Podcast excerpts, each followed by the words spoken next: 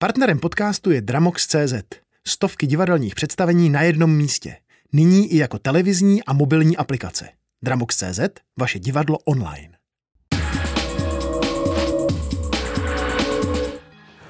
Dobrý den z Olomouce. Startuje 56. ročník festivalu Akademia Film Olomouc a DVTV je jeho mediálním partnerem. Letošní ročník bude jiný, ostatně jako celý tento rok.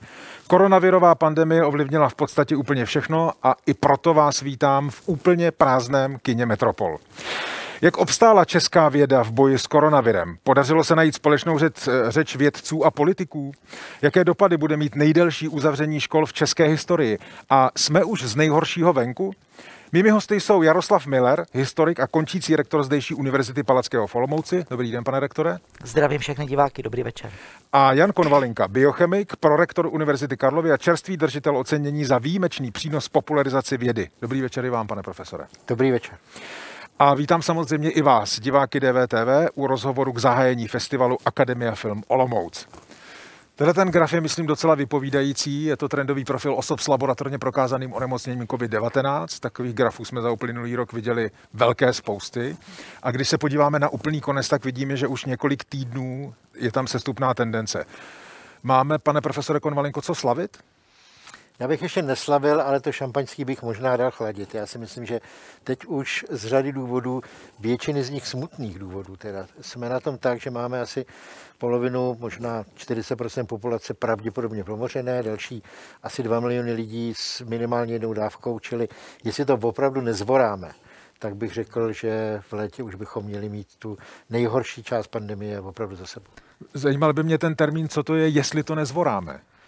No například bychom mohli zase udělat tu chybu, kterou jsme udělali v prosinci a z části s začátkem února, že bychom rozvolnili příliš rychle, příliš dramaticky, nehlídali potenciální mutace, které se objevují a mohou objevit ještě horší a nechali tu druhou polovinu populace, která ještě teda ne, nebyla promořena, eh, opravdu velmi rychle promořit s dalšími nárůsty té křivky, prostě, že bychom si střihli ještě jednu českou vlnku. A když, pátou. Už, tak, Čtyři vlny jsou za námi, máme už několikátého ministra eh, zdravotnictví, máme za minulý rok eh, zhruba 30 tisíc mrtvých lidí, jaksi nad ten dlouholetý průměr. A něco víc. Dokonce ještě o něco víc. Eh, pane rektore, je to důvod k tomu, abychom se teď cítili nějak slavnostně? Ne, rozhodně ten důvod nevidím druhou stranu a tady se budeme krásně dnes doplňovat s Honzou Konvalinkou. Já už jsem to šampaňské dnes z té ledničky vytáhl. Vy už slavíte? E, neslavím, ale vytáhl jsem ho, protože eh, od včerejška vysoké školy dostali povolení poslat do lavic poslední ročníky pro praktickou výuku a my hmm. potřebujeme ty absolventy poslat do praxe. Takže já už jsem to šampaňské vytáhl a doufám, doufám pevně, že ho budu moci otevřít taky. Jak se, jak se použil, pane Konvalinko, to slovo, abychom to neskazili? Nezvorali. Nezvorali. Dnešní čerstvá zpráva, která přišla vlastně chvíli předtím, než jsme se tady sešli, je, že eh, na fotbalové stadiony se teď od víkendu, minimálně v první fotbalové lize, začnou vracet fanoušci. Ty stadiony mají povolení do 10% kapacity stadionů, včetně pořadatelů a tak dále, organizátorů. Tak naplnit ty stadiony do těch 10% tento víkend. Eh, je to to zvorání, anebo to je vlastně v pohodě? To si netrofám říct. Co mě na tom opravdu hrozně zlobí a připadá mi to jako selhání zase naše společné je, že to se děje v situaci, kdy středoškoláci ještě stále sedí doma, kdy většina ročníků vysoké školy je stále zavřená až na ty poslední. A druhé stupně je, základních škol také jsou. A z druhé stupně základních škol také. Takže tohle to je podle mého názoru opravdové selhání a, a průšvih, protože školy, a jsem o tom přesvědčena nejenom proto, že jsem učitel, Eh, jsou zdaleka, měly mít zdaleka největší preferenci ze všech ostatních složek eh, národního, kulturního a hospodářského života.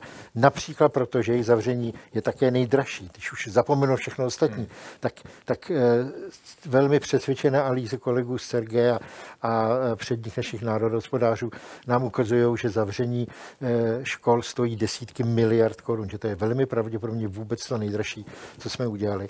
Já si myslím, že jsme to bohužel v určité chvíli udělat museli, protože jsme pustili tu epidemii příliš, příliš rychle, ale eh, podle mě všechno ostatní by mělo ustoupit tomu, aby se otevřely všechny stupně škol co nejdřív. Tahle jedna konkrétní věc, ten fotbal, úmyslně jsem to použil právě proto, že to přišlo teď, ta informace, a že bude teď od tohoto víkendu, to znamená ještě předtím, než možná budou více jaksi eh, uvedeni studenti a žáci do škol. Tak by mě, pane rektore, zajímalo, jestli to nebude ten důvod, eh, kvůli kterému tu lahev prostě vrátíte zpátky. Eh, bylo by to smutné, kdybych tu lahev musel vrátit do ledničky, ale samozřejmě stát se to může. Já tady musím úplně souhlasit s Honzou. Eh, pro nás ta situace je skutečně tristní a jenom to vypovídá o tom, kde jsou priority této nešťastné vlády. Eh, já vlastně marně hledám otázku na to, proč proč se fotbalové stadiony můžou otevřít být s omezenou kapacitou a jak říkal eh, můj kolega, středoškoláci, eh, školáci v regionálním školství a drtivá většina vysokoškoláků sedí doma. Eh, to není jenom otázka peněz, ale je to otázka budoucnosti téhle země. Chápete to jako určité nastavení priorit? Nebo jako znak o tom, jak jsou nastaveny priority minimálně u těch, kteří rozhodují? to, je, to je bohužel to nastavení priority symptom. Já to chápu jako určité mentální nastavení této vlády, pro kterou bohužel a ještě jednou opakuji, bohužel ty priority jsou jinde. Vy jste, pane Konvalinko, pro seznam zprávy před měsícem řekl, teď cituji, Eh, chápu to jako selhání, dokonce, a teď myslím to, čím jsme si vším prošli v tom eh, předchozím roce, dokonce bych řekl, že naše společné selhání nevynechávám z toho ani nás akademiky. Spousta lidí se velmi snažila, dělali jsme, co jsme mohli, ale je to tak. Nebudu říkat, zda jsme nejhorší na světě nebo druzí nejhorší, nicméně ty počty, ať už nakažených nebo obětí, ty nás jednoznačně řadí k nejhorším na světě. Zajímal by mě, jak vlastně z vašeho pohledu a nakonec i z vašeho obstála akademická obec. Protože ta se hrála extrémně důležitou roli v tom uplynulém roce.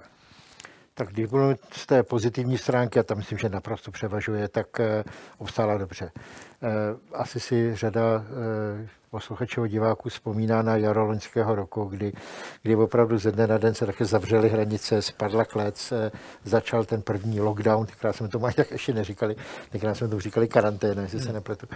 A e, ukázalo se, že je třeba testovat tisíce, desetitisíce lidí denně a že nemůžeme, protože tak diagnostický, e, ty laboratoře, laboratoře na to nebyly připraveny, ale hlavně nebyly chemikálie, nebyly reagencie, nebyly ty kity a e, spousta našich kolegů, studentů, studentů, spolupracovníků prostě nechala všeho a opravdu na koleně začala doslova vymýšlet a znovu vynalézat ty, ty postupy a, a vyrábět eh, po domácky reagencie, chemikálie hmm. a ty kity. Takže jsme během několika týdnů udělali práci, která by normálně stála desítky milionů dolarů, pravděpodobně a trval by rok, hmm. než by se ty, eh, ty diagnostické kity na takhle vlastně novou chorobu eh, dali dohromady.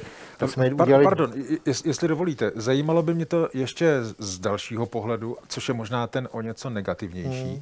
Jak akademická obec obstála co se uh, formy názorů společnosti týče, nebo co se uh, kvality informování společnosti týče. Mám na mysli, pane rektore, jestli jste vy, akademici, byli natolik jednotní, aby jste vlastně jako přispěli v tom kladném slova smyslu k tomu, že společnost prostě jako má celkem jasný názor o tom, co se vlastně děje. To jsou, to jsou dvě různé otázky. Na tu první část bych odpověděl uh, kladně. Ano, uh, myslím, že akademická obec a výrazní jednotlivci v ní se vehementně snažili vysvětlovat, bojovat s dezinformacemi, které nás denně zaplavují. Konec konců setkali jsme se u příležitosti přidání cen AFA za popularizaci vědy panu profesoru Konvalinkovi, který přesně tohle dělá Eh, celý rok. Čili to je, to je ta první část. Ta druhá je, a tady musím souhlasit s vámi, Zdá se mi, eh, že eh, ve společnosti i v akademické obci trošičku převládala kakofonie různých názorů, které ne vždy byly v souladu. A samozřejmě většinová společnost si vlastně neví, co si z toho má vzít úplně. Mám někdy pocit, pardon, to je poněkud komentativní. Já mám někdy pocit, že vlastně ani e, sami experti v jednotlivých oblastech, které se nějakým způsobem dotýkají té koronavirové krize, možná nevědí úplně, co si z toho vzít. Když se jenom podívám na e, ne úplně záplavu, ale spoustu různých studií, které v tom krátkém čase vyběhly a naprosto autoritativně říkali, je to takhle, nebo tahle ta jedna věc je úplně jinak, než se říká. Já bych eh, tady možná trošičku, eh, ne moc, ale trošičku bych se jich, nás eh, zastal. My si musíme uvědomit, že poslední problém v uvozovkách tohoto druhu evropskou společnost zasáhl před stolety. To už nepamatuje ani můj tatínek, ani moje babička, moje prababička, to, která už tady není mezi námi, tak ta španělskou chřipku zažila. Mm-hmm. Čili je to 100 let. A ta paměťová stopa podstatě vychladla, společnost neví, stejně státní aparát vlastně neví, jak se tváří v tvář takovému plošnému problému vlastně chovat. Čili my tady děláme něco, co bych nazval průzkum bojem. S tím souhlasíte? Ano. Ještě bych to rozdělil teda na dvě etapy. První etapa byla opravdu úplně na jaře loňského roku, kdy skutečně jsme nevěděli. A to byla jako nová nemoc, opravdu nový virus, který se objevil. Ty byla záplava různých informací i v odborném tisku, protichůdném, to máte pravdu. Takže eh, jako jestli někdo v únoru nebo v březnu, na začátku března loňského roku třeba podceňoval tu věc nebo, nebo eh, nebyl úplně přesný ve svých predikcích nebo ve svém hodnocení té situace, tak bych mu to neměl za zlý. Ale eh, postupně během týdnů a dalších měsíců už bylo stále jasněji. A já bych řekl, že ten mezinárodní konsenzus, když se podíváte jako za Českou kotlinu a Moravský úval, tak zjistíte, že prostě 95% eh, epidemiologů, biochemiků, virologů, imunologů mělo, měli jednot, v zásadě poměrně jednotný názor. Tady u nás, eh, on je to malinko jako i u jiných kontroverzních otázek. Vemte si globální oteplování. 95%. Tady Daniela Drtinová. Chci vám poděkovat, že posloucháte naše rozhovory. Jestli chcete slyšet celý podcast, najdete ho na webu dvtv.cz, kde nás můžete i podpořit a stát se členy DVTV Extra.